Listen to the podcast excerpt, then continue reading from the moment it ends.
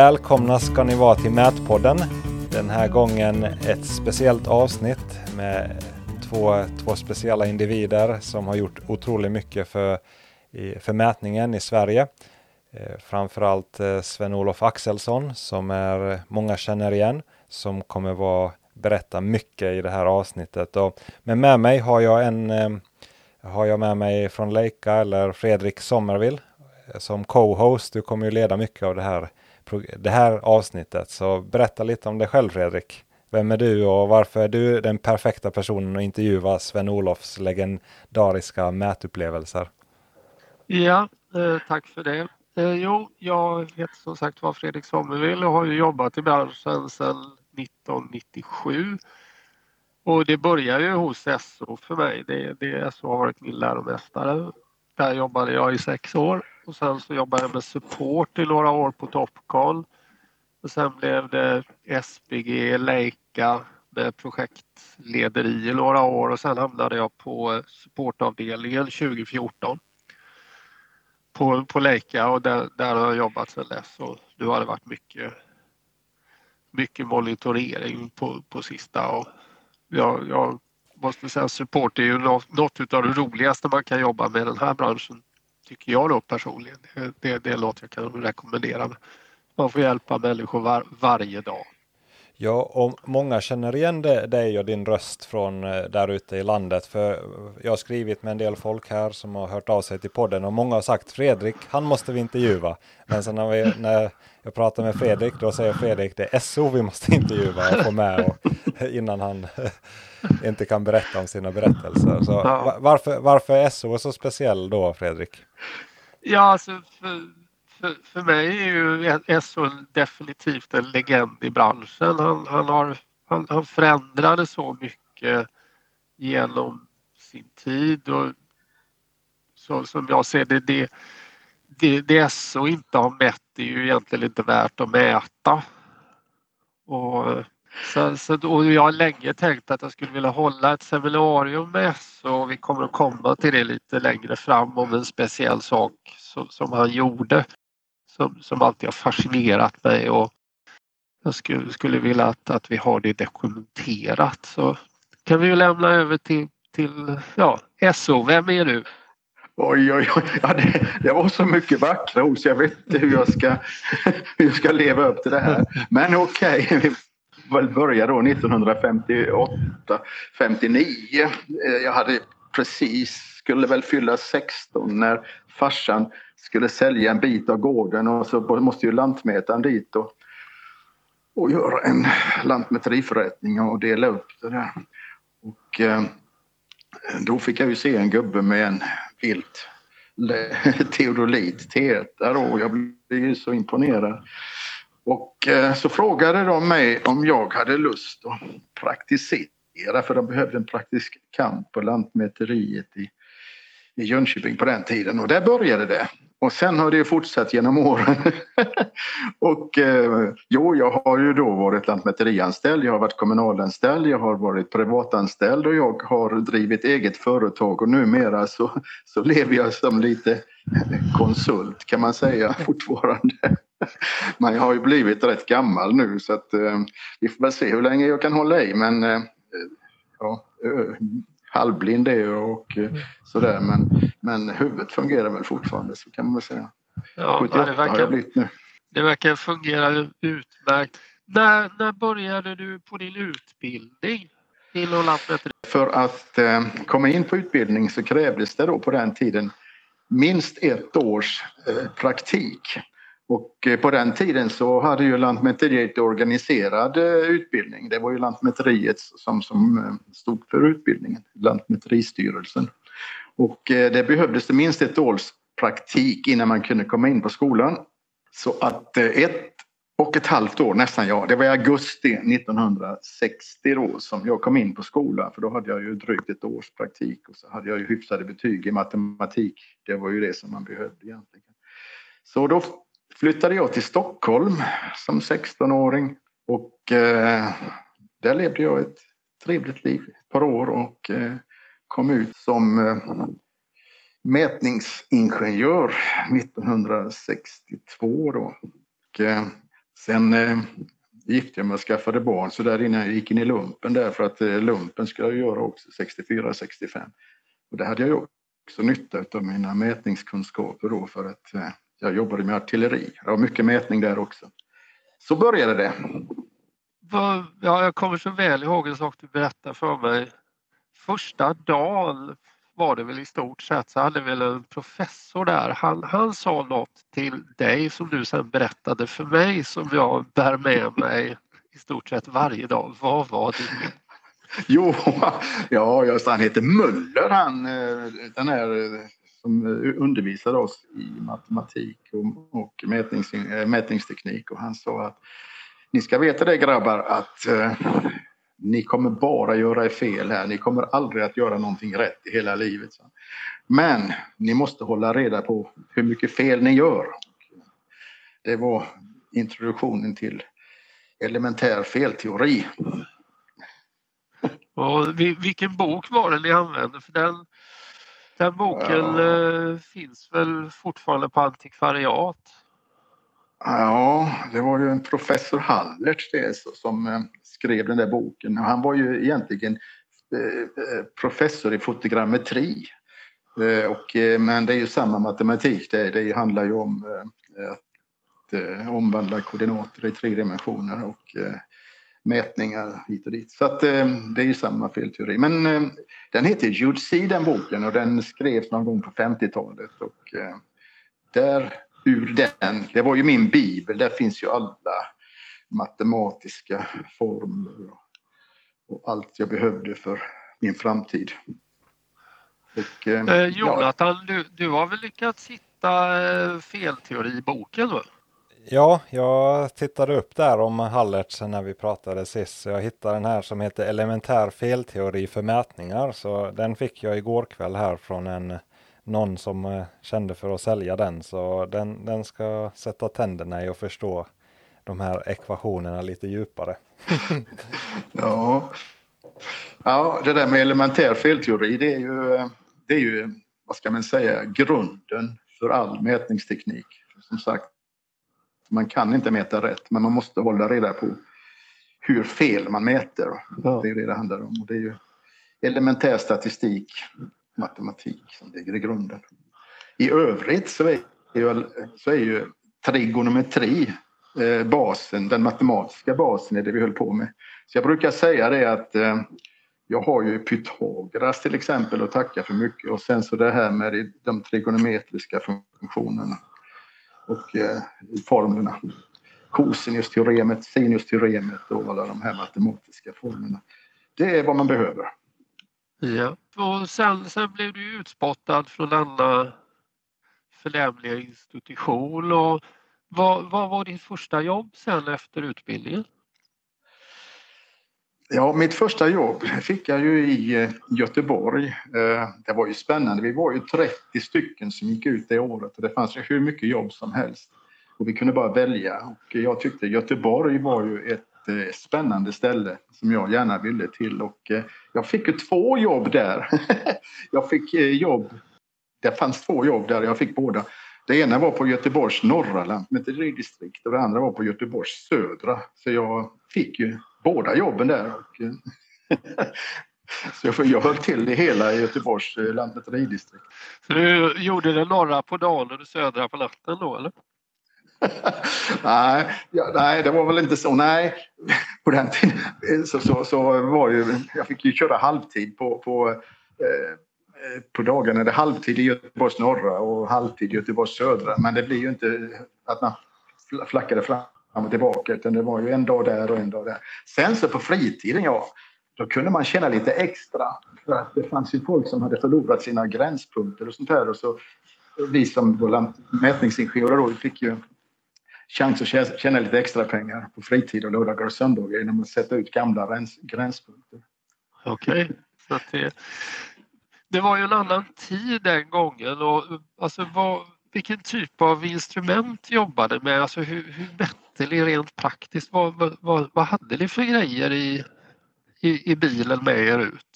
Ja, jag, hade, jag fick ett underbart instrument, en liten Kern DKM1 ett litet instrument som man nästan kunde ha i fickan. Ett fantastiskt instrument. Och eh, sen var det ju ett etalonerat stålmotband. En bandsträckare som man kunde sträcka med 10 kilo.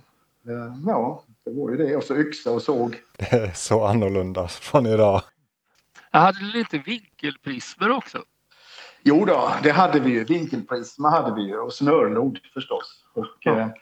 eh, stakkäppar, eh, självklart. Och, eh, de fanns ju i både trä och stål. Det visade sig, Lantmäteriet körde ju ofta träkäppar. Och, eh, I stadsmätningen där så körde man ofta stålkäppar.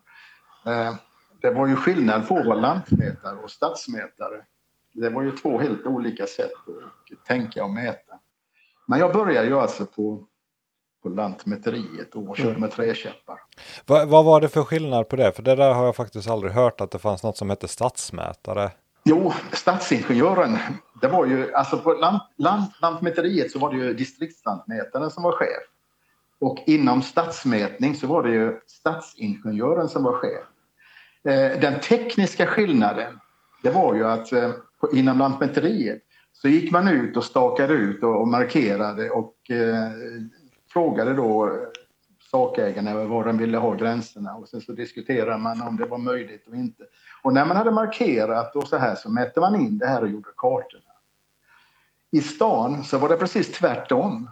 Där jobbade jag med administrativt bildade tomter så man satt ju på skrivbordet och beräknade koordinater och eh, var tomterna skulle vara så här. Så att eh, de bildades ju innan. Och sen så skulle ju lant, eh, mätningsingenjören ut och, och staka ut dem där då med rätt koordinater. Så skil, det var två helt skilda sätt att, att mäta.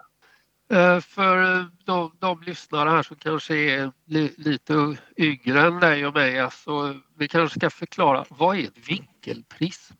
Vad gör det? Alltså vinkelprismat, ja, det är ju ett pentagonprisma. Eh, det är ju som gör att man kan eh, se 90 graders vinklar. Det är helt enkelt så. Det kan alltså, man faktiskt använda både vertikalt och horisontellt.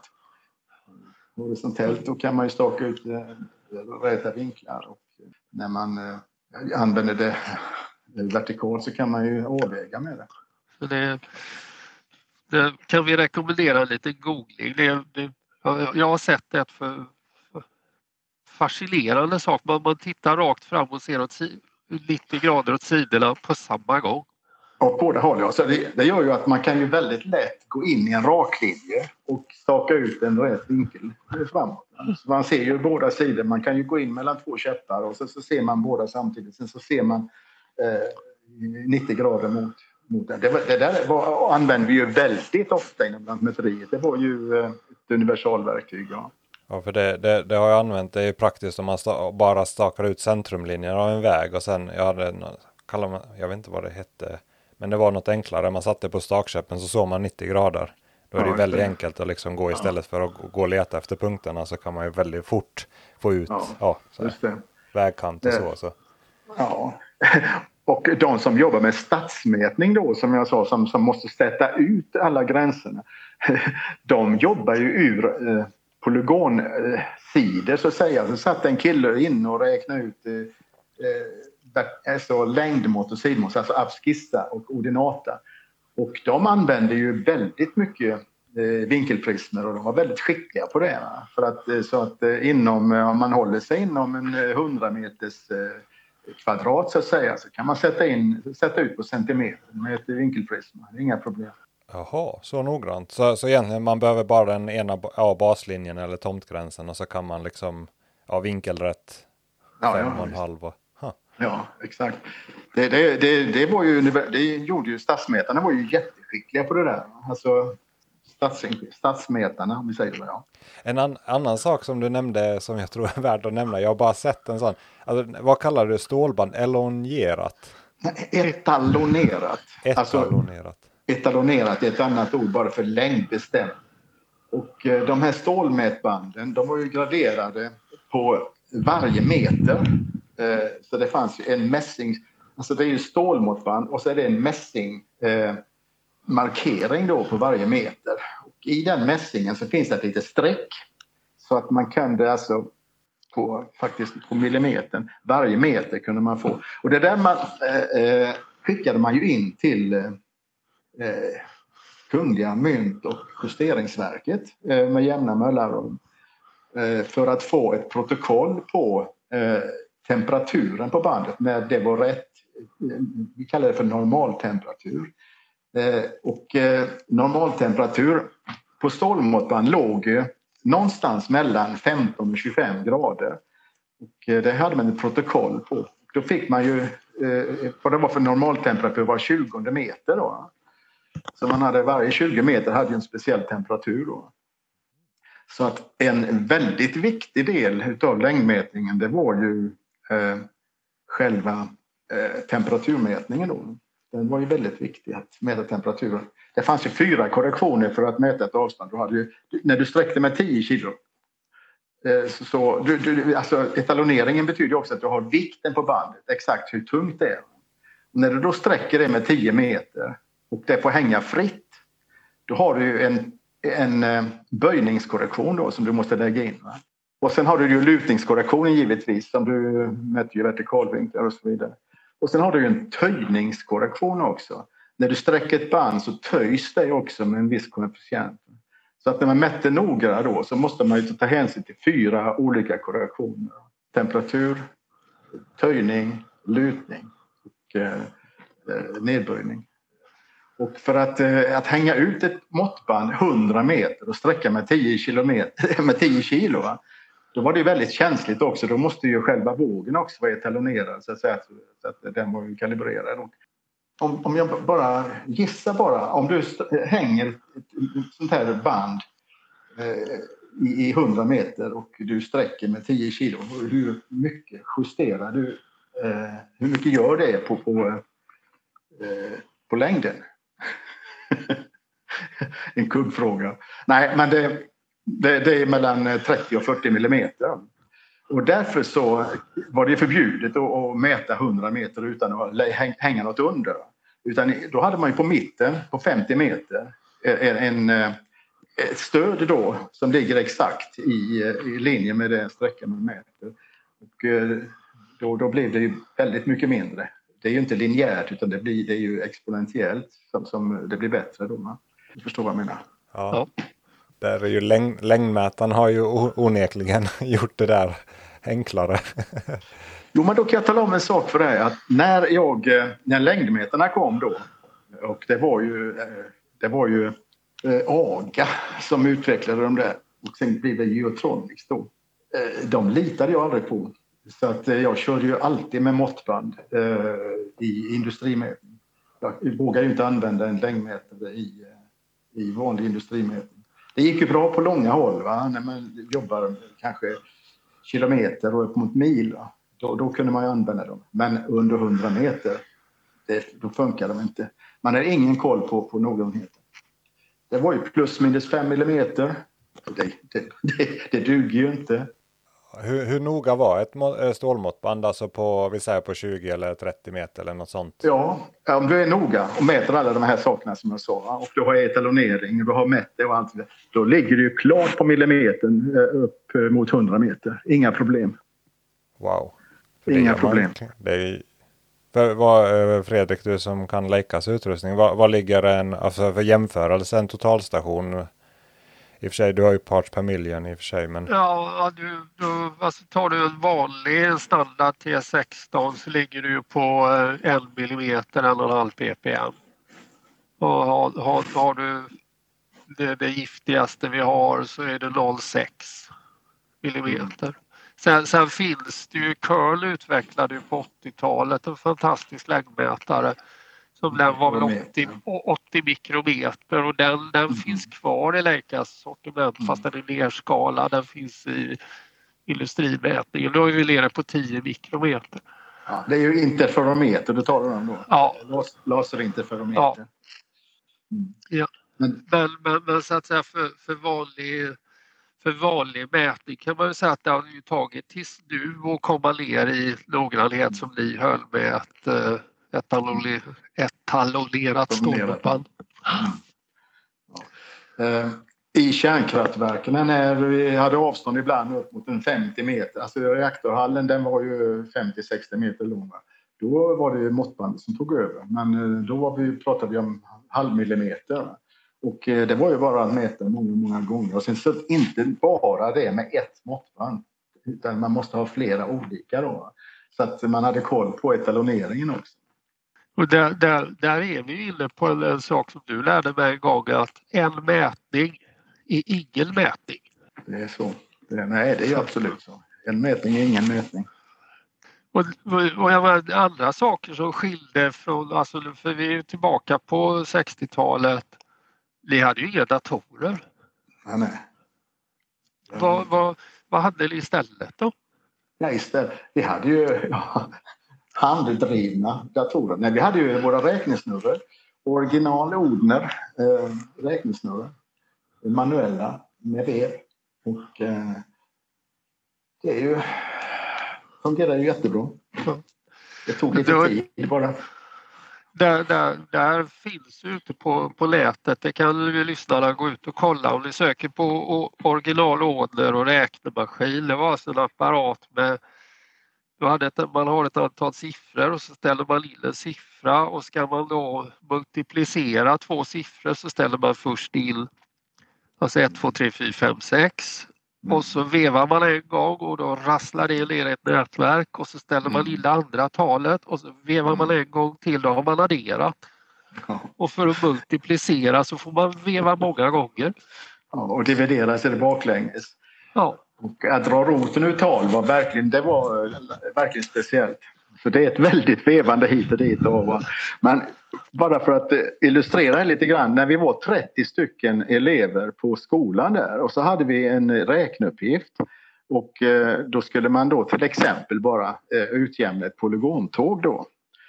Och då börjar man ju först skriva in siffrorna, det vet i alla de här kolumnerna och sen förbereda allting då för att börja räkna. Och sen så började det ju rassla. Vet du. Först en maskin den som var snabbast och sen två och sen tre och till slut så rasslade det ju i 30 sådana här maskiner. Rassla och plinga då. va. Du kan tänka dig vilket himla oväsen det var i en lektionssal. ja, jag, jag, jag, du, du lärde mig faktiskt en gång hur man eh, drar roten ut. Man vevar och flyttar och, Ja. och plingar och vevar och plingar Ja. och plingar och vevar och till Ja. slut så får man ut det. Man får ut en kvadratrot. Det var ju det viktigaste nästan utav allting för att dra ut en kvadratrot ur, ur, eh, koordinater, eh, alltså ur längder. Det, den var ju, Ja. trigonometrin bygger på det att man eh, Ja. jobbar med kvadratrötter.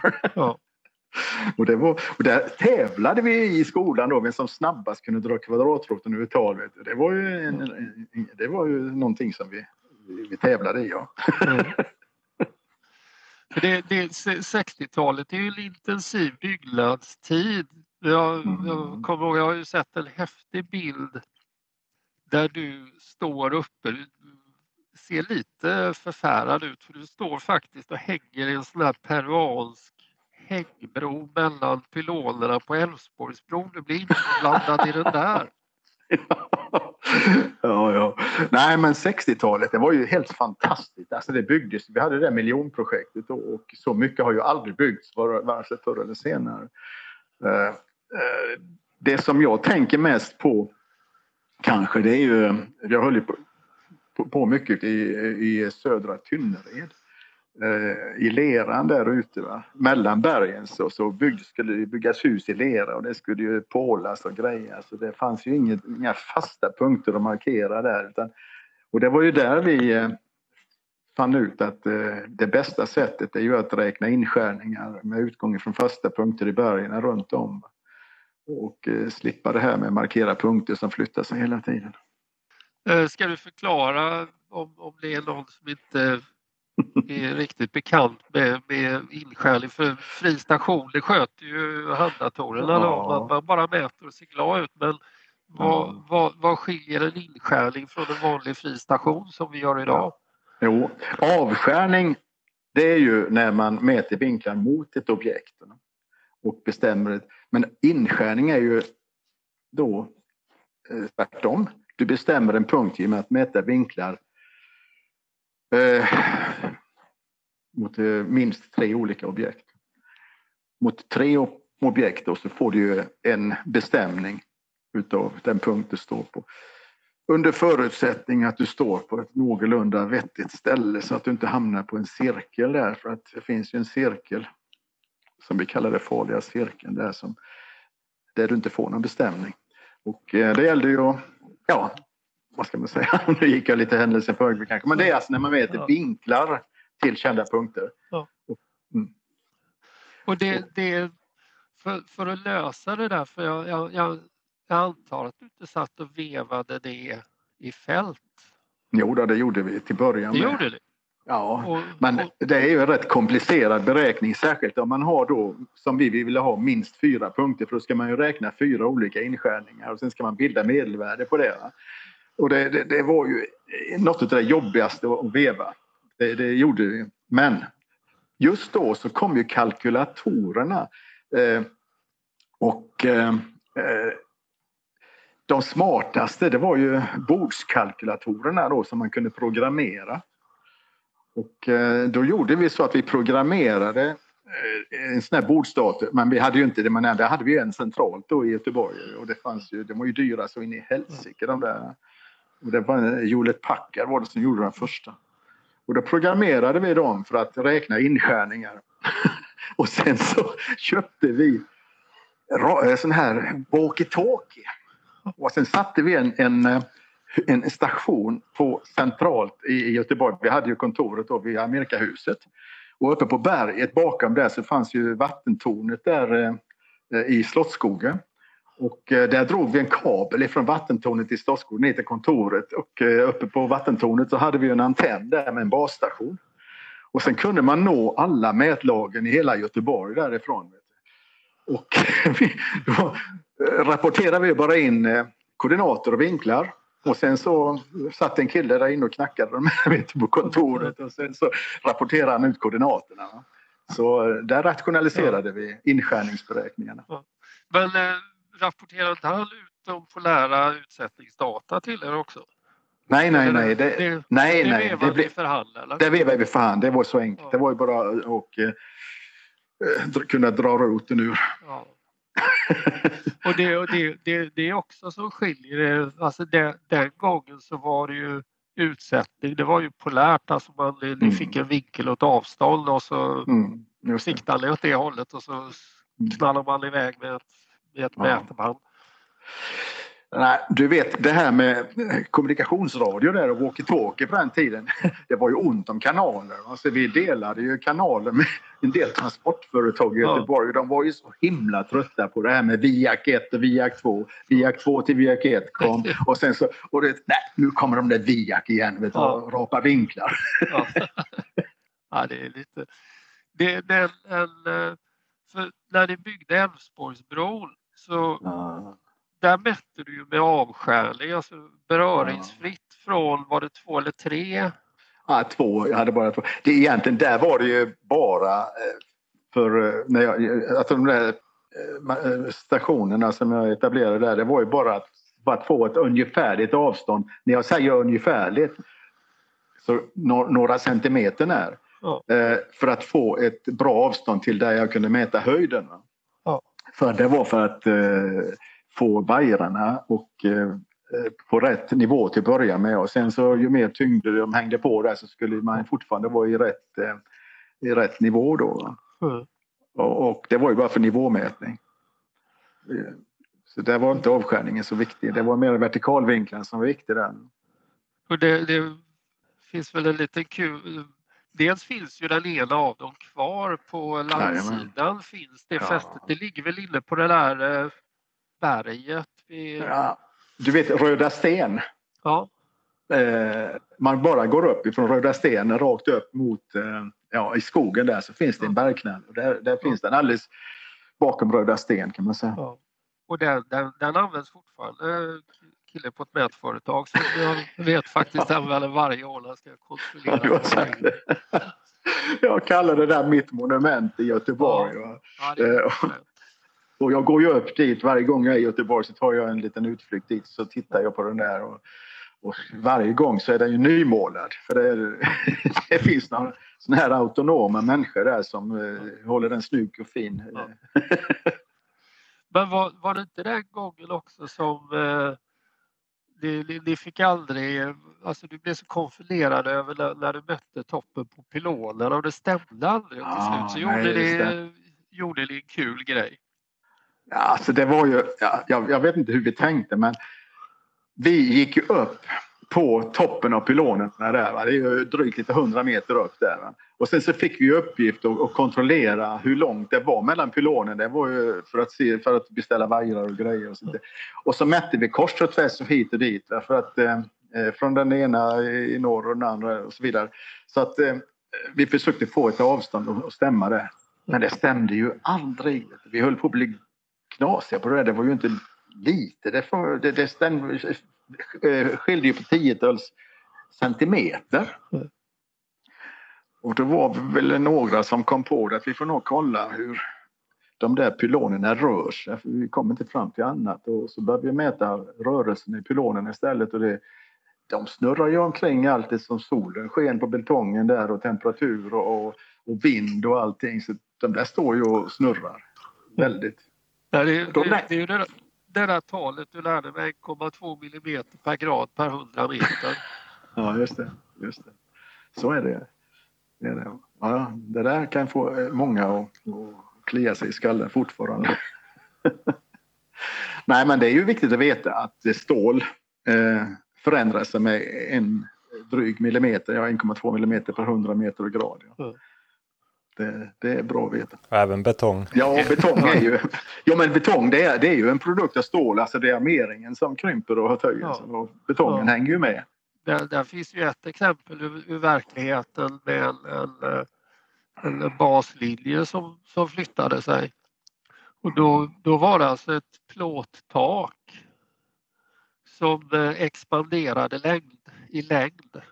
Mm. Alltså plåtarna var ju långa men de är ju avkopplade kanske var tredje, fjärde meter. Mm. Och eh, att, att, så att säga på, beroende på värme och mm. tittar man på, det finns en par, en stor byggnad i Göteborg där vi har en GPS, tre GPS uppsatta som mäter mm. var 24 timme och mm. efterberäknar. Fast där upptäckte vi att det gick inte att använda de 24 timmars för under dagen på sommaren så expanderar huset 4-5 centimeter. Exakt. Så, så. Det är många som har, eh, som har kliat sig i skallen för det. Jag, du, du minns ju det där jag berättade om en gubbe som klagade på att mina beräkningar inte fungerade och så hade han sina ståndpunkter uppe på, en, på 30 meter höga belysningsstolpar. Ja. Och så blir det, funkar det inte på vintern. Ja. jag kommer ihåg det samtalet fast jag hörde ju bara ena änden av den, liksom dina frågor. Ja, ja, ja, men det är ju smart. Ja, man kan sätta dem där. Ja, då ser du dem från hela fältet. Och de är ja, 30 meter höga. Ja. Eh, när satte du upp dem? Jaha, och hur varmt var det då? Ja, 25 grader. Ja. Vilken temperatur är det nu? Ja, minus 30. Och så har jag liksom där rassel, rassel, rassel, rassel i, i kalkylatorn. Ja, där har du dina fyra centimeter eller. Ja, just det. ja precis. jo. Nej, men det är sånt man får tänka på. Det, ja. det, och i kärnkraftverken där så var det ju ännu värre för att rostfritt stål har ännu värre eh, koefficient i, än, än, än vanligt stål så att säga. Mm. Så där hade vi mycket att tänka på när det gäller ja. temperatur. Och nu, nu, nu börjar vi ju nästan som katten runt het gröt här närma oss en, en sak som jag tycker är, är, spännande och det är ju Du hade ju mätt mycket då, alltså då, då är vi framme på 7, nu börjar vi närma oss 70-talet, du är 20, ja.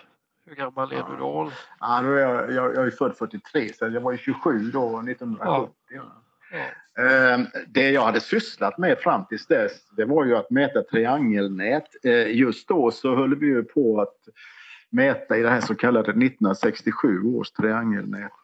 Ehm, och det, var ju, där mätte man ju avstånd då eh, med hjälp av judometer och vi hade ju då fått till och med en laserjudometer, laserjudometer modell 8 som mätte ju sträckor upp till eh, ja, flera mil med laserljus. Då. Och så mätte vi vinklar i de där och eh, eh, när jag kom till Ringhals första gången det var ju när eh, en eh, platschef där hade fått ett problem och han sa att eh, reaktortanken som ska levereras ifrån Japan har blivit ett år försenat. Och vi kan ju inte sitta här och vänta på att den ska bli färdig, vi måste ju montera ändå. Och då frågade han mig, kan vi montera alla pumpar och alla grejer med hög precision eh, som om tanken hade funnits på plats. Jag sa att absolut inga problem. Inga problem. En eh, sån snabb tanke får ju genom skallen att har jag kunnat mäta på centimeterprecision på flera mil va, så ska jag väl kunna klara några, någon millimeter här. Så att jag bara sa ja. inga problem, det, det, det kör vi på. Och, eh, ja, min första eh, tanke det var att jaha, vad gör vi nu? Jo, vi flyttar decimalkommat eh, tre steg så att heltalssiffran får bli millimeter och så, så blir slängsiffran en tredje där tusendelar av millimeter. Så ska vi nog kunna få ordning på det här för att jag visste ju att våra vinkelmätningsinstrument de klarar det här utan problem. Och eh, längdmätningen, som jag sa tidigare, det var ju inte tal om att arbeta med elektronisk längdmätning. Utan det var ju att använda mekaniska verktyg. Och de noggrannaste jag hittade det var ju C.E. Johanssons passbitar på korta håll då som man kunde mäta ett par meter i alla fall med hundradels millimeters precision. Mm. Och uppe i reaktorhallen så hade man ju de etalonerade stålmåttbanden så att, eh, jag såg inte några problem här och eh, det blev inte heller några större problem. Mm. Det funkar ju. För vad pratar man om för eh, eh toleranser som det var på liksom, mon monteringen eller vad man ska säga? Ja, de hårdaste toleranserna det var ju i eh, reaktor tankens mitt där, alltså i, där, där drivdonen sitter och där själva eh, där man ska stoppa ner bränslet. Där var ju precisionen, eh, det var ju maskinprecision och det var, talas ju om hundradelar millimeter. Eh, längre upp i hallen så låg vi på halvmillimetern. Eh, och eh, eh, ja, svetsarna på de här eh, stora eh, pumparna som skulle, eh, då det var ju flera pumpar som skulle monteras eh, på olika nivåer eh, ut med den här tanken. Tanken var ju ungefär en, eh, var en hög 13 meter tror jag, något sånt där och där skulle ju svetsarna då toleransen där är ju millimeter. En svetsfog får inte variera på mycket. Och det är stora tunga problem, rör så att det gick ju inte att justera mycket heller utan det var ju millimetern va? vi jobbar ju med. Och som sagt vi mätte ju på hundradels millimeter som, som eh, siffror på, på koordinaten där. Mm. Så att eh, ja, vi monterade allt det där, pumparna och rören och studsarna och alltihopa där eh, i förväg och sen kom ju tanken ett år senare då med en stor båt från Japan och så skulle vi veva den på plats där.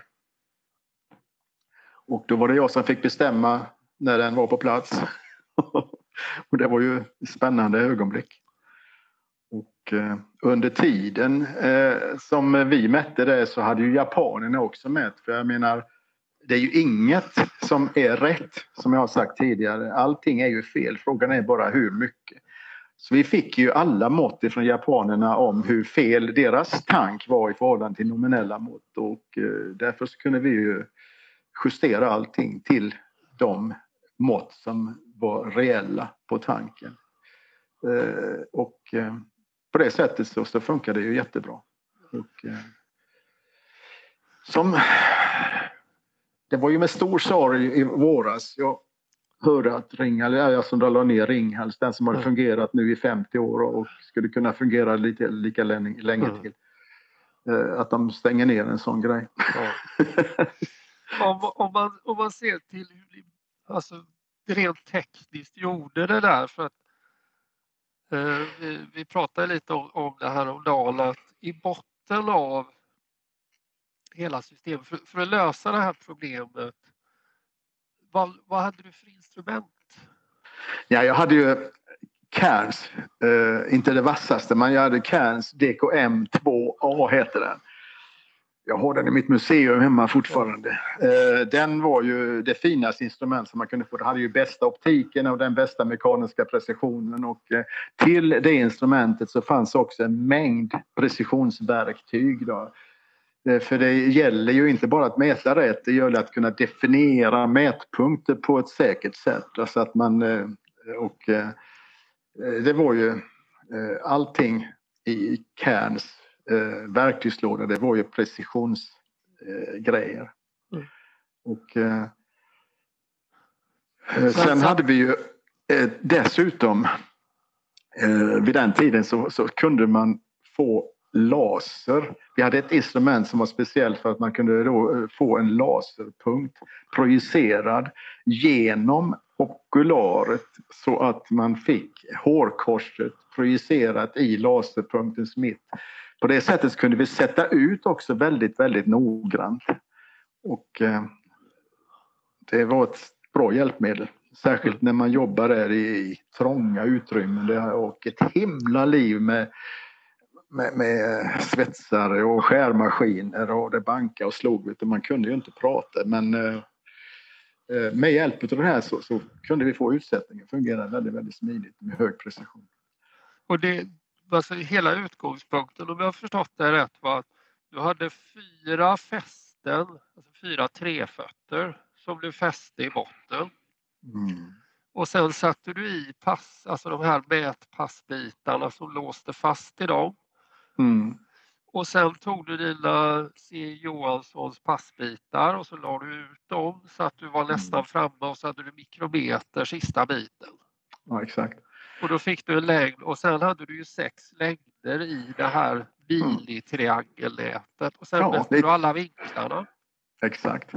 Så att det var ett triangelnät med hög precision där med sidor eh, runt 2,5-3 meter.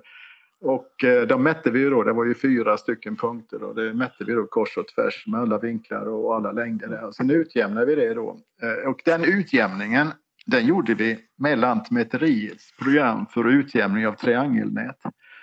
Och eh, så fick man ju ett eh, standardavvikelse där så att, som låg på klart på hundradels millimeter. Det var inga problem. Eh, det var som att mäta som vanligt så att säga. och, eh, man hade bara flyttat decimalkomma till, till millimetern. Så man kände sig ganska trygg med de utgångspunkterna.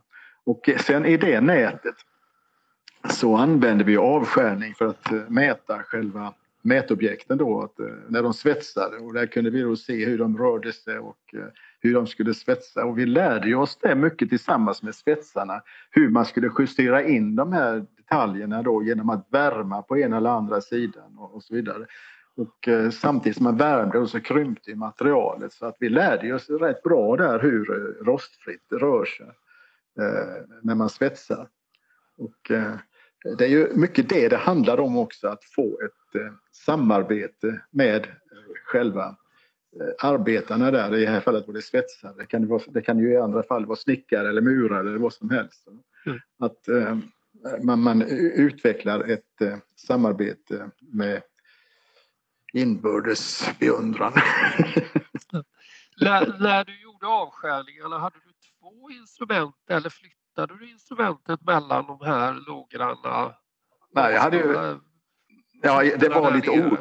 det var lite olika. Oftast så hade jag bara ett instrument och så flyttade jag. Men ibland så hade vi två instrument. Eh, du vet, eh, man kunde ju inte eh, mer än... Alltså, när man hade svetsat in någonting där så fick du det svalna och allting. Och så det, det tog ju ett par timmar innan allting svalnade och så mätte man och så fick man se vad det blev då. Och sen eh, kunde det ju bli att man var alldeles snett ute där och det, då, då, fick man ju ibland till och med ta upp svetsen och göra om alltihopa från början. Men ja. i de flesta fall då så kunde vi tala om då nästa dag till alla svetsarna, jaha du ska värma si och så där och sen ska du värma si och så där och sen så, så, så justerar de allting genom att värma och eh, kyla.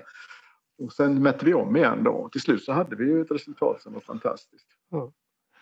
Och allting vevade i princip för hand på Ådnesdörren med beräkningsblanketter? Avskärningarna körde jag helt, avskärningarna körde jag manuellt med veven ja, på mm. kontoret på kvällarna. Hur fäster man, alltså om man ännu mer detaljer, alltså de här trefötterna, tvångscentreringen, var det ner i liksom betonggolvet eller hur, hur var de fästa eller stod de på stativ? Nej, nej. Nej, de satt, vi var ju inne i reaktortanken här och det fanns faktiskt väldigt bra strategiskt. Det fanns ett nödkylsystem som skulle etableras och det var ju, då var det ju studsar där, alltså stosar, jag säger studsar, mm. eh, som inte användes då eh, förrän i det i sista skedet. Och på dem, de använde vi ju som instrumentstativ. Och eh, då gjorde vi ju bara eh, tillfälliga eh, stativhållare där så att säga på de stosarna. Och då hade vi bra utsikt över alla andra eh, som, som skulle monteras. För det var ju många de här, vet du, de var ju, ska vi se hur många var de? Det var ju hundratals som skulle justeras in och eh, sådana här drivdonsrör. Eh, och de drivdonsrören de skulle ju vara så exakta för att du vet när man uppifrån sen så ska ju bränslet ner i de här tankarna. Va? Och då är det vatten i allting där och då ska det ju passa precis. De ska ju bara glida ner där du, i de här eh, så att eh, och eh, den här traversen som, som kommer med de här bränslestavarna då, det skulle passa perfekt. Och det var ju därför det var så noga. Och alltså de, de det var ju inte precis så att ni, ni liksom satte upp tejper utan vad, vad, vad hade ni som alltså era, era bakobjekt? Det var, det var liksom inte en mättejp utan det, det var något annat ni hade. Nej, det är en måltavla. Den, den är alltså ja. som en vanlig måltavla men den, är ju, den sitter ju på en en rundstav kan man säga då som, ja. som glider ner i, som passar precis. Det, det var inget glapp där ja. utan det var eh, så den glider ner. Det är ju, nu talar vi om maskin, maskindelar. Du tänker dig maskindelar i en motor eller kolvar i ja. vad som helst va, i en motor. Det ska ju alltså bara glida. Och det, vi talar om sådana och yt, ytjämnheten i de här grejerna var ju enormt fina. Va? Så det var ju ingen bondsmide precis. Men var, var det inte så att det slog körslag också istället? Alltså där, där man idag sätter en, en tejp, där tog det ja, ja, ja. bara ett litet fint för att Ja, ja, Nej, men så var det ju. Alltså, de här, nu, nu går vi upp i reaktorhallen då till exempel. Och då, där hade vi metall, stora metallskivor, ja, stora, stora, en kvadratdecimeter ungefär. Och eh, i den så, så slog vi körnslag med, med ja, en vanlig körnare då. Och sen så eh, fick vi, mätte vi mot det där. Och sen så eh, stansade vi in koordinaterna sen i den här plåten så att alla kunde se vilka koordinater som gällde för den punkten. Det var ju smart. Ja, där stod instansade i plattan. Ja. Men sen, sen, sen om jag förstår det rätt, så det, det nätet som ni hade i botten, det la ni upp mm. i reaktor, alltså ni, ni flyttade ut det i reaktorhallen. Ja, eller tvärtom kan man säga. Ja. Alltså man mätte ihop det här. Men, men det här nere där vi jobbade med 100 millimeter, mm. det, det, var ju fast. Ja. Eh, och sen så eh, flyttade vi upp det i hallen där, med, med, genom tanken. Mm. Och eh, så, så eh, ja, det, vad ska man säga, det, det utjämnades ju det också i, ett, i en sammanhang så att säga. Även om vi betraktade ju systemet där nere som lokalt system och sen så där uppe det var ju ett annat system. Men inbördes så stämde de ju på bråkdelar av millimeter. Mm. Så att det var inga problem. Men där uppe i hallen så, så jobbade vi med en noggrannhet av plus minus en halv millimeter ungefär. Det var tillräckligt där uppe. Och sen, sen lokalt så la du ut nya nät där uppe med mikrometerstickmåtten om jag har förstått det rätt eller de passbitarna om det behövdes. Lokal om det behövdes ja. Absolut och ett, ett, ett exempel på det där var ju när de skulle göra nödkylsystemet eh, och eh, då sitter det ju i reaktor tanken där. Eh, alltså i, i själva kåpan där. Och det var också hög precision på de där dysorna, att de skulle spruta rätt ner på härden då på varje dysa för sig. Där. Det var väldigt hög precision. Då la vi ett nytt nät där uppe, alltså lokalt nät i den i locket så att säga. Det var, var det inte någon eh, då på 90-talet så var det inte någon som ringde där och frågade om du hade kvar protokollen på det där? alltså, ja, det var i Oskarshamn. Det var, det var roligt. Ja, det var en kille som, som ringde just det. När han, han hade varit och jobbat där för att de skulle göra någon mätning då i samband med någon, eh, någon, eh, något underhåll eller något sånt där. Och då fanns det protokoll på inspektionsrör. Och där, de protokollen då hade han hittat. Och så, så ringde han mig. Han jobbade med, med våra Zion här då och mätte ja. där nere. Och så ringde han. Kan du tänka dig, sa han. Jag har hittat dokument nere i, i, Oskarshamn. Det är en kille som har samma namn som dig, sa han. Så, alltså, som, har jobbat där nere med och gjort mätprotokoll på, på uh, inspektionsrören. är du säker på att det är en annan gubbe? Det, det var faktiskt jag. Ja men herregud, det är ju länge sedan, sa han. Ja, ja, tiden går. ja. Och eh, ja, så tanken kom och ni ställde den på plats och det du, du får nästan berätta om de här andra som skulle försöka mäta också för det var, det var inte bara du som mätte, det var ju några andra gubbar som försökte sig på låt där också med Ja, det de här långa stål, ståltrådarna och oljor ja, ja. och vad de höll på med. Hoppas ja, nej, det var ju... någon. Nej, men det var ju en, en, eh, väldigt hög person på Asea-Atom. Asea-Atom det var ju forskningscentret.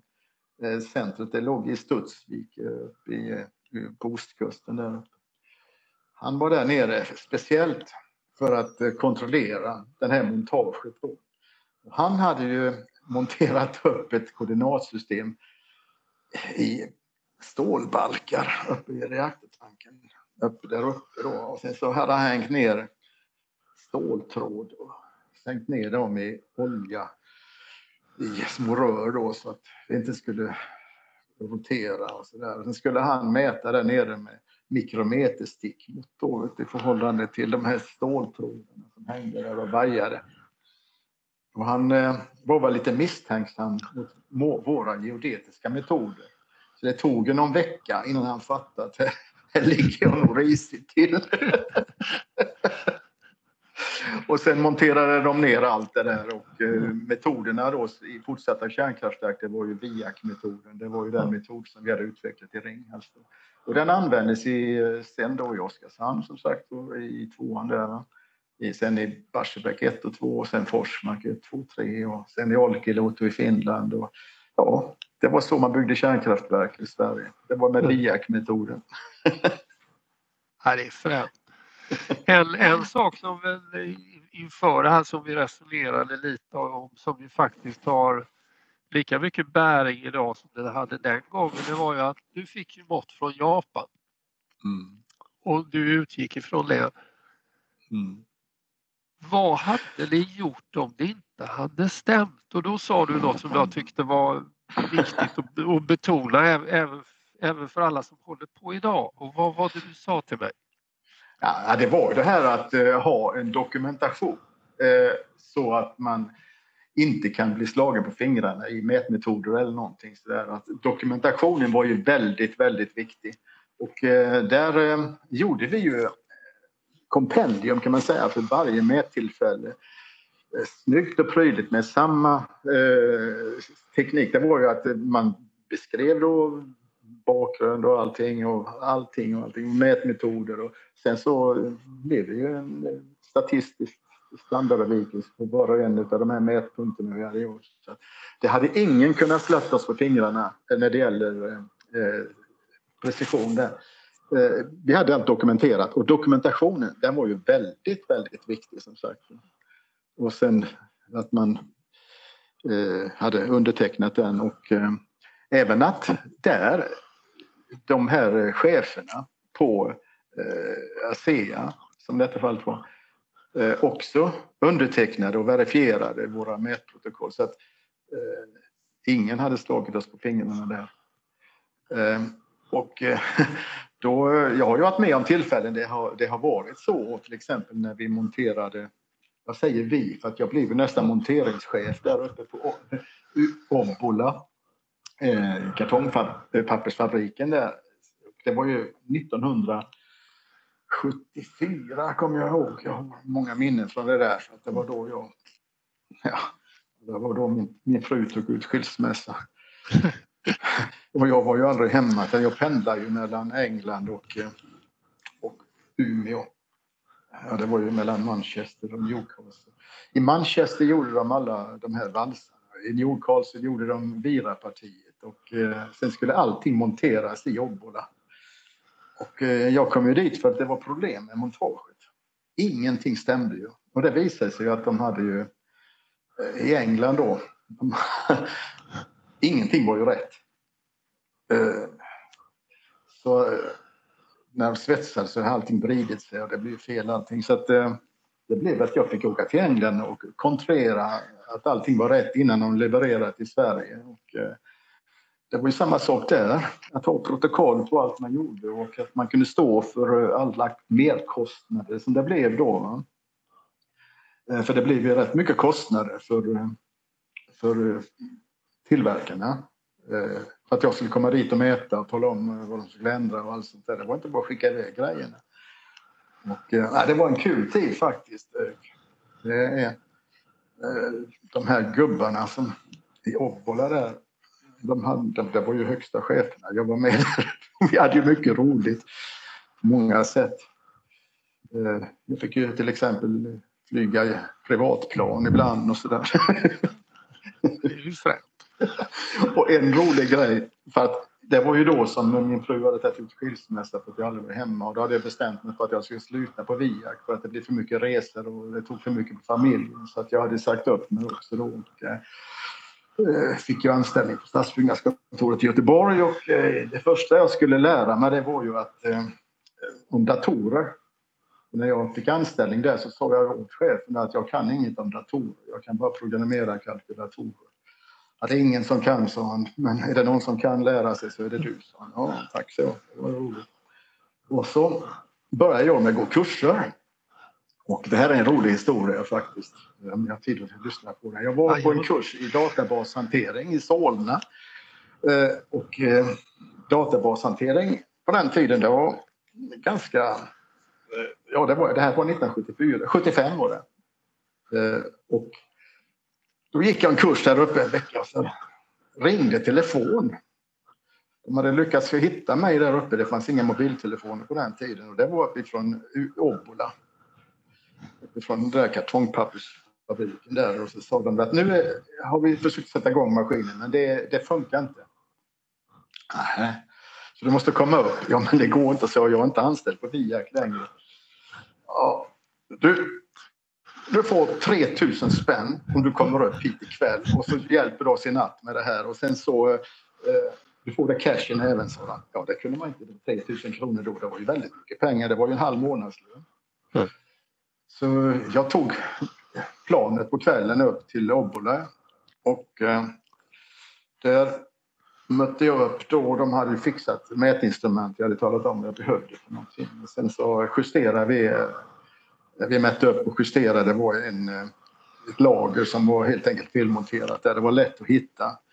Och sen så eh, gick jag ut på krogen och åt lite grann på natten där och sen så tog jag första planet hem på, på morgonen med 3000 spänn på fickan där. Jag, jag var ju lite rödögd när jag kom till plugget. och så var jag ju sömnig, vet du, så jag hade ju svårt att hålla ögonen öppna. Alltså, på kafferasten där så var det någon som frågade vad fan gjorde du igår kväll? Ah, jag var i Umeå och gick på krogen sent på kvällen. Så jag, sen så, det blev lite sent så jag tog det tid. Är du inte klok så? ja. Nej, men eh, det var bara en, en rolig historia. En, en, en i mängd. Det finns ja. ju en annan, annan rätt, rätt kul grej som, som du har berättat eh, angående en viss båt på Götaverken. Oh. Fast, fast, fast, du har väl egentligen fortfarande inte gjort den där? Va? mitt, mitt kontrollerade fuskjobb. Ska jag ta den historien också? Ja, det tycker jag. Det får vi bjuda på. Ja, ja, nej, men det var ju, jag jobbade nere i Ringhals på den tiden. Eh, nej, Barsebäck var det. Och jag var ju ganska upptagen där. Men min chef han, han, han visste ju det att jag löste de flesta problem som dök upp. Och han sa att det har kommit in en båt som har gått på grund. Det är en rysk båt och de behöver justeras. Eh, de har ju tydligen skadat eh, propelleraxeln och vad det var för någonting. Och nu ska de montera den då och de behöver en precisionsmätning. Ja, ja, så det, det är inga problem. Men eh, så jag kommer upp ikväll då, men då får du se till att jag har verktyg för att jag kan inte... Jag behöver, har, inga, har inga verktyg här nere. Och då, bland annat så ingick det en, en autokollimationsspegel. Autokollimationsspegel det är en, en, helt enkelt en spegel med, som, som ligger parallellt mot en slipad yta på själva foten på den här spegeln. Så att man ser sin egen spegelbild när man eh, tittar i den. Och eh, om du tittar i den med en eh, CAD IKM2 då så ser du ju spegelbilden av ditt hårkors. Och eh, då kan du ju justera vinkeln där otroligt, med hög, otroligt hög precision. Så när jag kom dit så sa jag att jag har, vad har du spegeln? Nej, jag har ingen spegel, så. Ja, men herregud, då kan vi ju inte göra jobbet. Så jag, den här spegeln skulle jag montera på svänghjulet inne i båten och sen skulle jag titta på, i den spegeln eh, där bak eh, där propelleraxeln satt infäst va, i skäddan. Och, eh, och man, jag kan nog fixa en spegel, sa Ja, men gör det då, sa jag. Så kom han tillbaks. Eh, du, jag, jag har Elsas makeupspegel. Eh, tror du den, den går bra? Elsas makeupspegel? Så jag, jag får titta på den. Ja. Så höll han den emot det här svängljudet så såg jag mig själv som om jag hade varit på Liseberg i spegelhuset där. ja, ja, Okej, okay, så jag, jag ska mäta det här. Så sen så ska jag göra ett protokoll, sen får du skriva under. Så jag. Men det funkade nog för att jag, jag den där spegeln då, så fick han ju vrida den vet du, en grad i stöten. Det tog ju lång tid att mäta den där. Och eh, så, så mätte jag eh, stort antal mätningar där och så tog jag medelvärde på alltihopa. Eh, och det, jag mätte några gånger och det, jag, jag blev ganska övertygad om att det här blir inte så tokigt ändå. Va? För att eh, spegeln, det tog ju ut mot annat när man vrider och vänder på allt det här. Så att eh, jag gjorde protokollen och sen så båten den sattes i sjön och den försvann. Sen hörde jag aldrig någonting mer. Nej, lite, det är kreativt. ja, men ja, det, det, är ju kontrollerat fusk på något sätt. Alltså, ja. men, eh, det, det, leder väl tanken till att det inte alltid är de bästa verktygen som, eh, gör jobbet utan det är ju hur man använder verktygen. Det är det som är grejen. För det, det, det, det tänker jag ofta på att alltså då, då som jag är väldigt, väldigt tacksam mot dig för du lärde mig att tänka. det är det jag har... Det var jag som lärde dig Ja. Alltså, inom mätningsteknik, du lär dig ju faktiskt med hur, man ska tänka. Jag har haft så ofantligt mycket nytta av det. Ja, men det var ju roligt att höra. Jag tackar så hemskt ja. Men det finns ju de som säger att jag, lärde många att inte tänka. Då förstår ja, du kanske vad jag menar. Ja, ja då, då vi, flyttar vi oss framåt några år och nu, nu ja. börjar ju om man, om man säger slutet på 70-talet, nu börjar de här miniräknarna som var programmerbara med magnetremsor och lite annat komma och mm. även mätinstrumenten har utvecklats nu och börjar få lite, lite interface, alltså de börjar bli mm. lite halvdigitala. Det ja, börjar hända saker nu. Det var nog lite senare det. Eh, eh, 75 började jag ju på Stadsbyggnadskontoret och då fick jag ju där hade de då ritmaskiner ifrån Kongsberg. Stora tunga pjäser som man laddade då med hårdremsa. Eh, och, eh, så hade de köpt en bokskalkylator som heter Vang 2200. Om ni inte vet vad det är för någonting så googla gärna på den. Vang 2200. Och eh, då upptäckte jag ju till min förvåning att jag kunde programmera. det var inte så svårt alls. Den eh, var ju... Eh, ett programspråk som hette Basic på den tiden, det kanske ni kommer ihåg. Och eh, den här kallas för Vang Basic. Och all logik och allt sånt här, det, det fanns ju där. Så att eh, eh då blev jag ju betagen i det här med att programmera. Och jag kunde ju då eh, skrota många av de här... Eh, du vet, de hade ju gjort system, ja, om vi säger så här, det fanns ett företag i Göteborg som hette iData, Industridata. Och då hade flickorna på stadsbyggnadskontoret, det var flickor som stansade hålremsor som var ingångsdata till beräkningar och sen så skickar man ju säckarvis med hålremsor till idata och så på morgonen därefter så kom resultatet i, i form av nya hålremsor som man stoppar in i en maskin som skriver ut det här resultatet upp på papper. Och jag tyckte det där är ju löjligt. Alltså, vad fasen håller ni på med här? Så jag, jag, jag såg det praktiskt idiotiska i detta. Varför gör vi inte beräkningarna här? Så jag. Vi har ju kapacitet. Ja, skrattade de åt mig och det var ju de, de, de tyckte jag var dum i huvudet till att börja med. Eh, och eh, ja, i alla fall så, så lyckades jag ju programmera de datorer vi hade där till att göra jobbet. Och eh, man behövde inte åka till industridata med allting utan man kunde göra det hemma på skrivbordet. Och med stansflickorna blev utan arbete, det var inte så kul i och för sig. Men det utvecklades i att eh, de köpte ju CAD-system från USA, eh, från ett företag som heter Computer Vision. Ta och logga, eller ta, googla gärna på det också. Det var ju system som, eh, som eh, var framtagna för att framförallt för att konstruera elektroniska kretsar. Så här. Sen hade man utvecklat det här också till, till mekanisk konstruktion inom bilindustrin. Eh, då var det väl min chef, han var ju helt galen. Han, tog, han sa ju där, det här kan vi nog göra om till kartsystem. Så att eh, då eh, skulle vi börja med digitala kartor 1975, 76, 77. Datorerna var lite stora på den tiden. Lagringskapaciteten var ju ganska begränsad. En diskdrive till exempel som, eh, där man lagrade 300 megabyte. 300 megabyte. Det kostade ungefär 500 000 kronor. Och eh, då kunde man i och för sig byta diskar i den.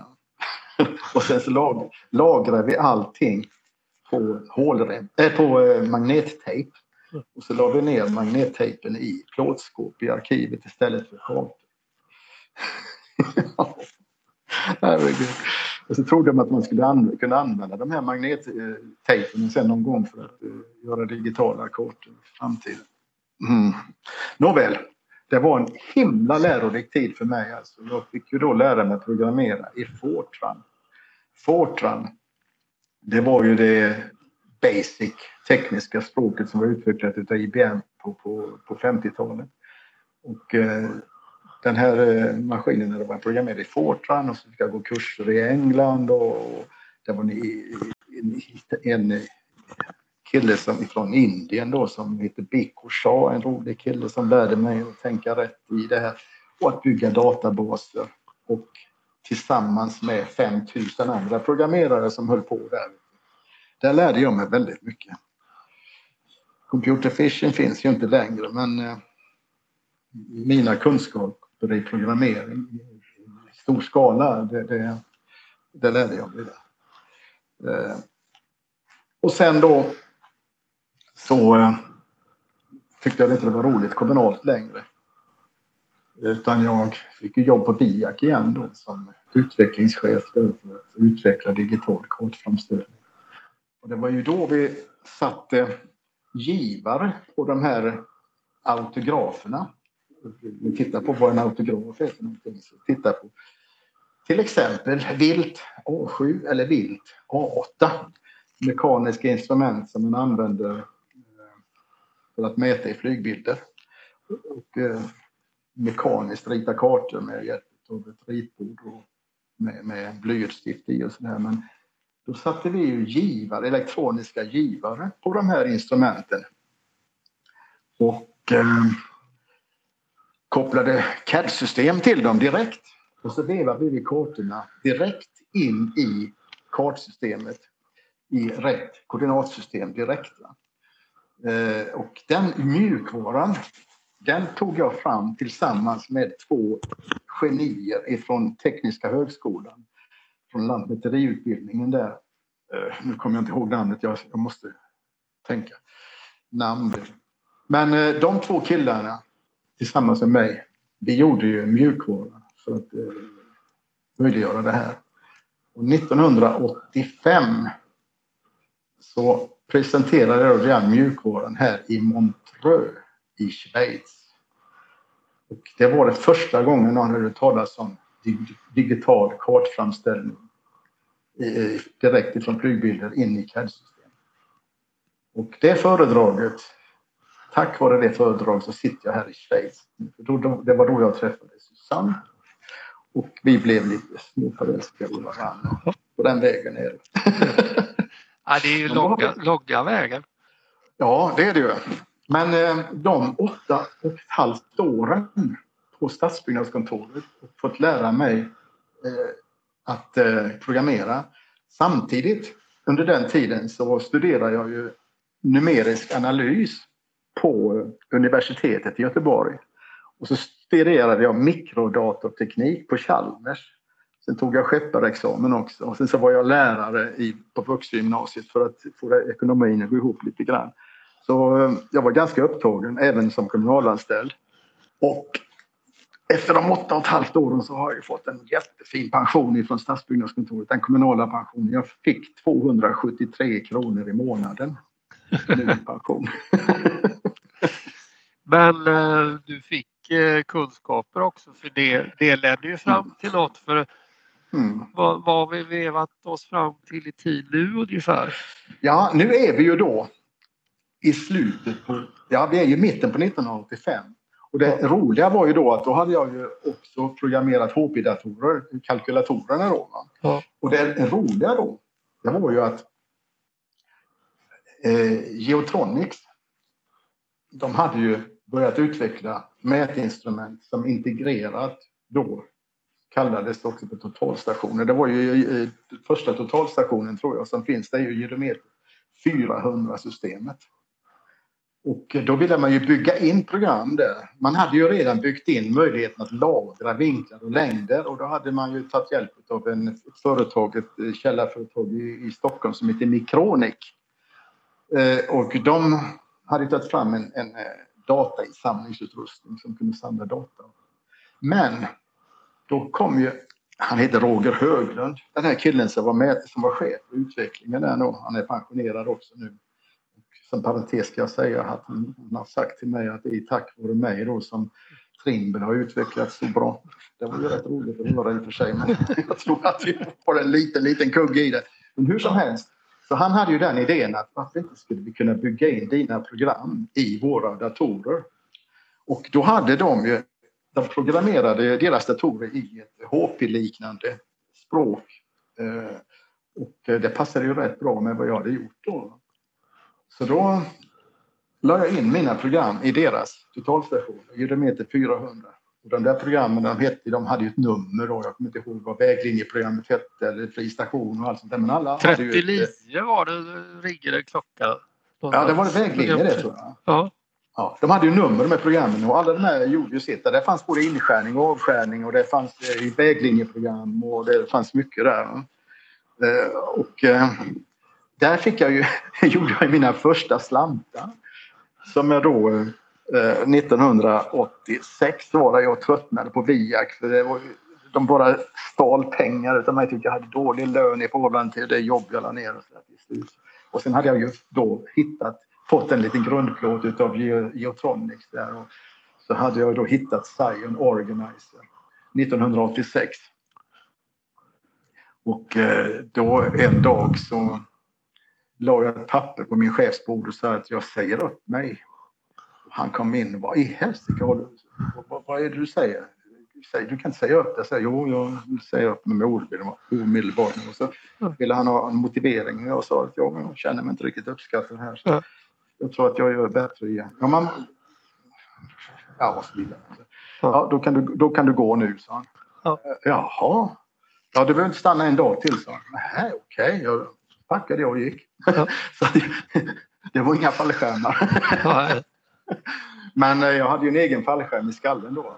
Ja. Och eh, det var ju Saigon Organizer som jag hade fastnat för. Och, eh, upptäckte jag att den Får- kunde man Du får nästan berätta lite. Jag, jag har ju haft, du, du har ju kört eh, Organizer Jonathan. Ja, om det är Zion är så jag känner igen den. Det är som en liten, vad- hur ska man, hur ska man beskriva den? Kanske 25-30 centimeter lång och så som 15 centimeter bred och två, två, två rader hade den har jag för mig. Och så hade man, fick man komma ihåg alla programmen som du nämnde. Ja. Ja, ja. Nej, men jag, jag, då, då, jag hittade ju den i en, en eh, tidskrift, i eh, eh, en teknisk tidskrift någonstans. Så, så hittade jag ju vem som importerade dem där och de fanns ute i Kungsten i Göteborg. Va? I, eh, och, eh, jag stack ju dit och där hittade jag en kille som heter, som heter Peter Gisander. Om Gisander eh, är ett bekant namn eh, så ska jag inte tala om varför, men jag kan säga att det var brorsan, det var inte han. Ja. Okej, då vet ni inte vem Gisander var då. Nej, vi, är för Okej. unga. Nej, det, det, det får bli en cliffhanger. Men Ja. det var hans brorsa. Det var hans brorsa. Och, och hur Men som vad, helst. men vad Psion, alltså så det var som en, vad ska man kalla en handdator, så det var egentligen eh, programvaran du gjorde och så själva apparaten var en, eh, någon annan som har utvecklat eller sålde? Ja. Ja, Okej. eh, Zion, det var en engelsk eh, grej. Om ni kommer ihåg på 80-talet så fanns det något som hette att man skulle ha kalender och allting och, och, och göra tidplaner för sin verksamhet. Det var ju eh, 80-talsgrejen där, du vet med, med eh, Janne Carlsen och allt det här. Att man skulle File och fax skulle man ha. Exakt, exakt. Och det här var en, den var utvecklad för att vara en filofax digital sådan. Så det fanns basprogram var det i den för eh, adress och, och sånt här. Ja, du vet ju precis vad jag talar om där Fredrik. Eh, Ja. Det fanns en, en databas, en ganska hyfsad sådan, Ja. med, med bra verktyg.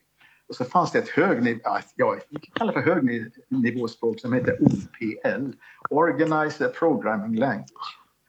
Och eh, Peter Gesander han eh, sa det, ja det här är nya grejer, så jag vet inte vad man ska det till här. Och, men, men du kan väl ta hem och titta på vad det är för någonting. Jag fick en kartong vet med alla möjliga grejer och tillbehör. Och, och sen fick jag se det här. Men herrejävlar, det är precis det här jag vill ha. Det är precis det här jag behöver. Och du vet, den känslan då, det var så det kittlade i hela kroppen. Va? Och det första jag gjorde, det var ett program för att mäta spjutkast. Eh, därför att VIAK hade då fått ett uppdrag att mäta spjutkast på eh, europe, det var Europamästerskap eh, på Slottsskogsvallen i Göteborg. Va? Och eh, då sa jag att det där kan vi nog lösa smidigt och jag gjorde ett program i den här Scion Organizer. Det det första jag gjorde, det var ett spjutkastprogram. Eh, där jag la in alla parametrar, du vet för diameter på ringen och allt sånt här. Och, och, ja. och sen så, du vet, så, så hade vi en kille som satt där och mätte då va? och sen så knappade in det på Scion och, och, och sen så fick man ju resultatet direkt va? och så såg ut med det på tavlan. Och det, det där gick ju jättebra vet du. Ända tills det var en bulgar där vet du, som, jag tror han, eller Rumänien, i alla fall, han kastade rekord, nationsrekord, över 80 meter någonting va. Och där kom de på ett bra tag efter. Vet du. Men vad fasen, det måste ju kontrollmätas med band. Och, eh, och då, då började de klia sig i huvudet. Men hur ska vi hitta nedslaget nu? Det, det var ju ett tag sedan. Inga problem, säger jag. Vi bara sätter ut det i en nedslag så hittar ni det. Du vet, jag hade ju utsättningsdator och allting lagrat. Ja, där? Så det var bara att titta. Jaha, det var ju torvan och de mätte och det stämde. 80,04 var det. Det var mitt första jobb med Scion Organizer. Jag har manualen till eh, Ja, Just digitaliserad. Ja, det kom in i manualen Där där är- alltså. där är den. Mätning av kastgren. Ja. Det var det första programmet jag gjorde i Scion Organizer. Ja. Och det satt jag och programmerade hem. Vi hade varit och tittat på, på hur vi skulle eh, ställa upp och allt sånt där. Och så satt jag och gjorde programmet när vi åkte hem i en bil. Eh, det var- Tekniskt. Exakt. Och, och den eh, eh, programmeringstekniken i, i OPL där, den var ju helt outstanding. Man hade ju allt man behövde i funktioner. Jag saknade ingenting. Och när man skulle ner på mikrodatornivå, alltså bits och bytes. Mm.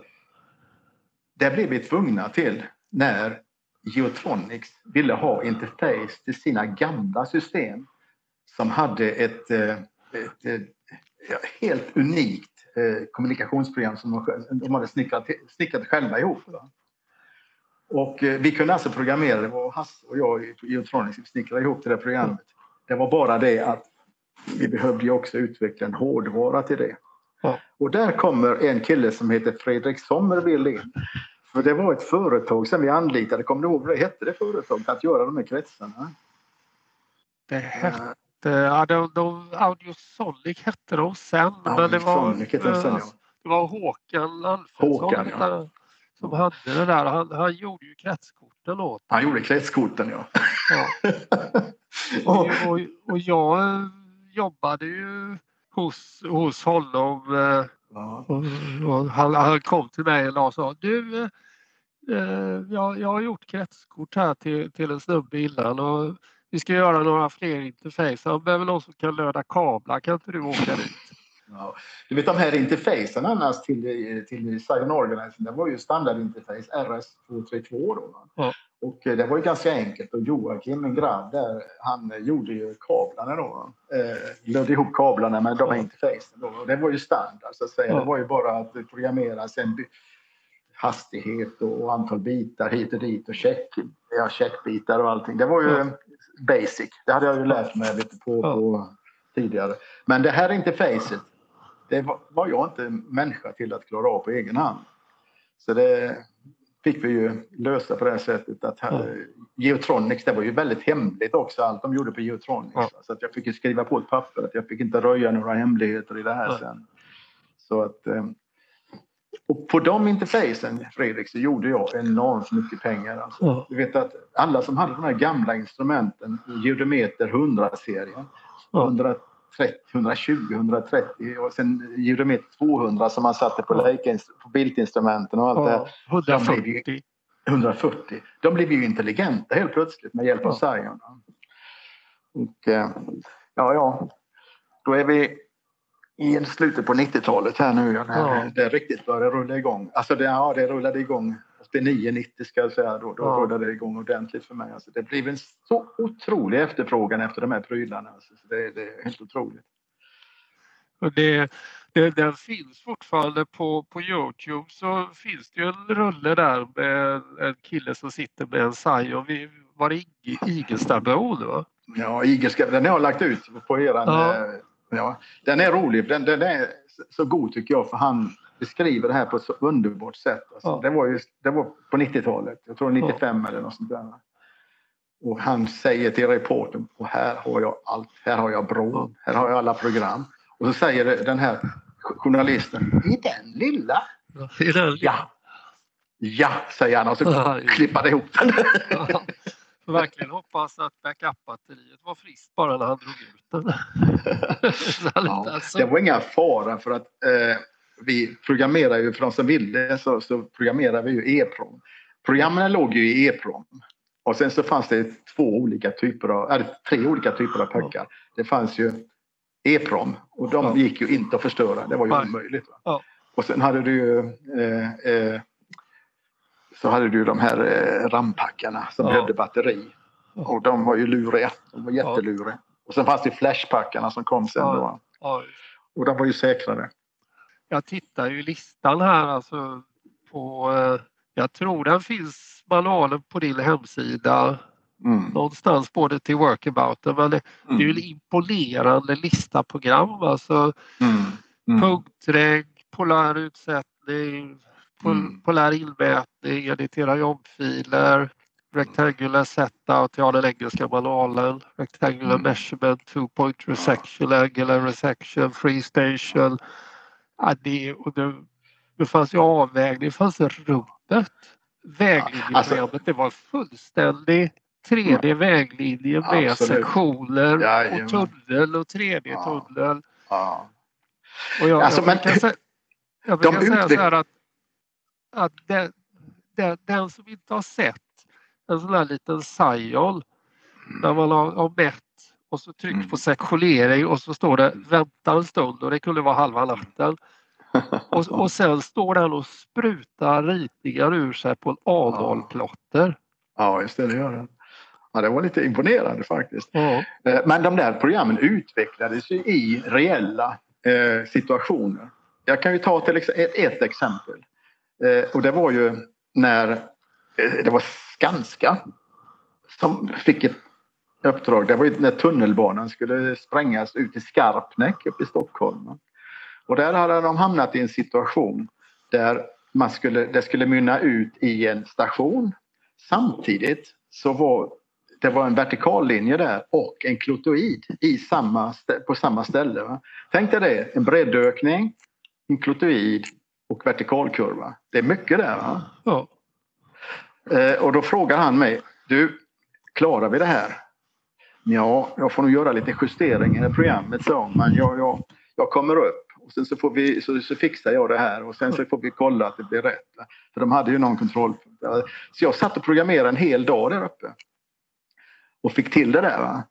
Så att eh, det var nog ingen annan som klarade av de situationerna vad jag vet alltså. Då på den tiden i alla fall. Ja, men det, var, det var ju det som var fördelen med den där att man hade ju hela utvecklingsmiljön i burken. Ja, man skrev ju klart programmet. Mm. Alltså när man hade löst det i den burken då var mm. programmet färdigt för kunden. Då var det färdigt. Jajamän. Ja, det, det, det, var ju det. Och sen, sen, sen, sen var det bara att eh, kontrollera. Var, man var ju tvungen också att ha check på att man, man, gjorde rätt. Det hände ju, det fanns ju buggar även i min värld. Men eh, det gällde ju att inte få ut dem, sprida dem. Ja. det gällde att, eh, att man testade dem på, på några få som, som eh, jobbade med det. Och det där är exemplet. Det har ju hur många exempel som helst där jag var ute tog hand om ett problem, fixade, programmerade. Det tog mer, inte mer än en dag och sen så var man hemma och så brände man en ny version när man kom hem. Men sen var det distributionen.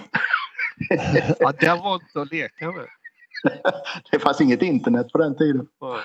Så att det var ju att skicka e-prommar. Ja, jösses vad e-prommar vi skickade och man skulle ha tillbaka allihopa. Ja visst, jo då. Jo, det var mycket med det där. Ja, det var roligt. Men mycket av det här kan man faktiskt se på min hemsida. Man, eh, mm. Jag har ju mycket av utvecklingen där på bike.se. Ja. Man kan se också nyhetsblad och historier och sånt där. Så att, eh, videos och allt möjligt. Så historien finns ju där. Ja. Och det, nej, det, alltså det, det var ju verkligen så man, man fick Sven Olof Axelsson på burk. ja, ja det, det, är väl det kanske som... Jag fick ju många, mycket kritik på den tiden och, just det där att eh, eh nu behöver inte folk lära sig någonting utan nu kan han bara liksom ringa, vika data och så gör de ett program och så löser vi problemet. Så, det, det, mm.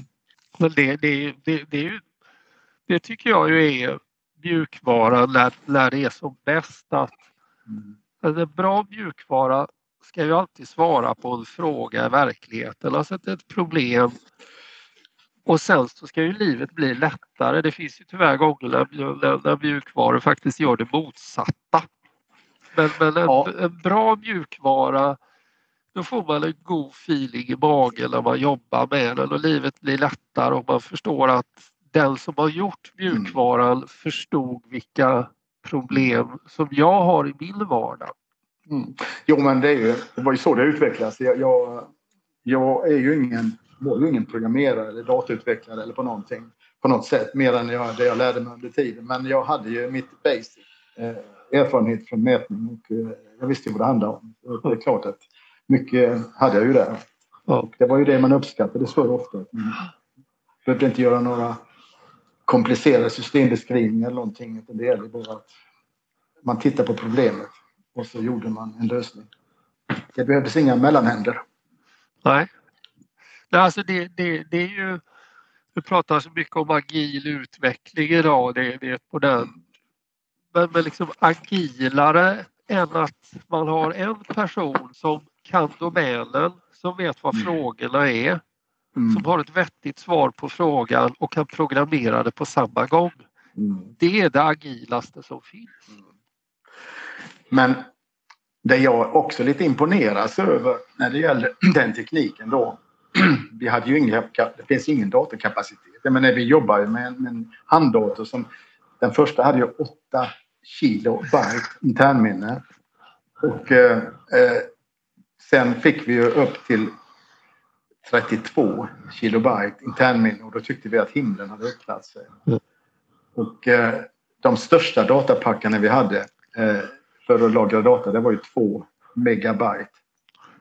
Eh, mm. ja, organizer var på 0,9 MHz klockfrekvens. Exakt. och det, det... Work, workabouten var 9 och sen hottade de upp den till 27. Mm. Mm. Och då och, och, och tar man generation 2 som var workabout den gick ju 14 dagar på två A-batterier. Exakt. Ja, och det var ju också en fördel. Va?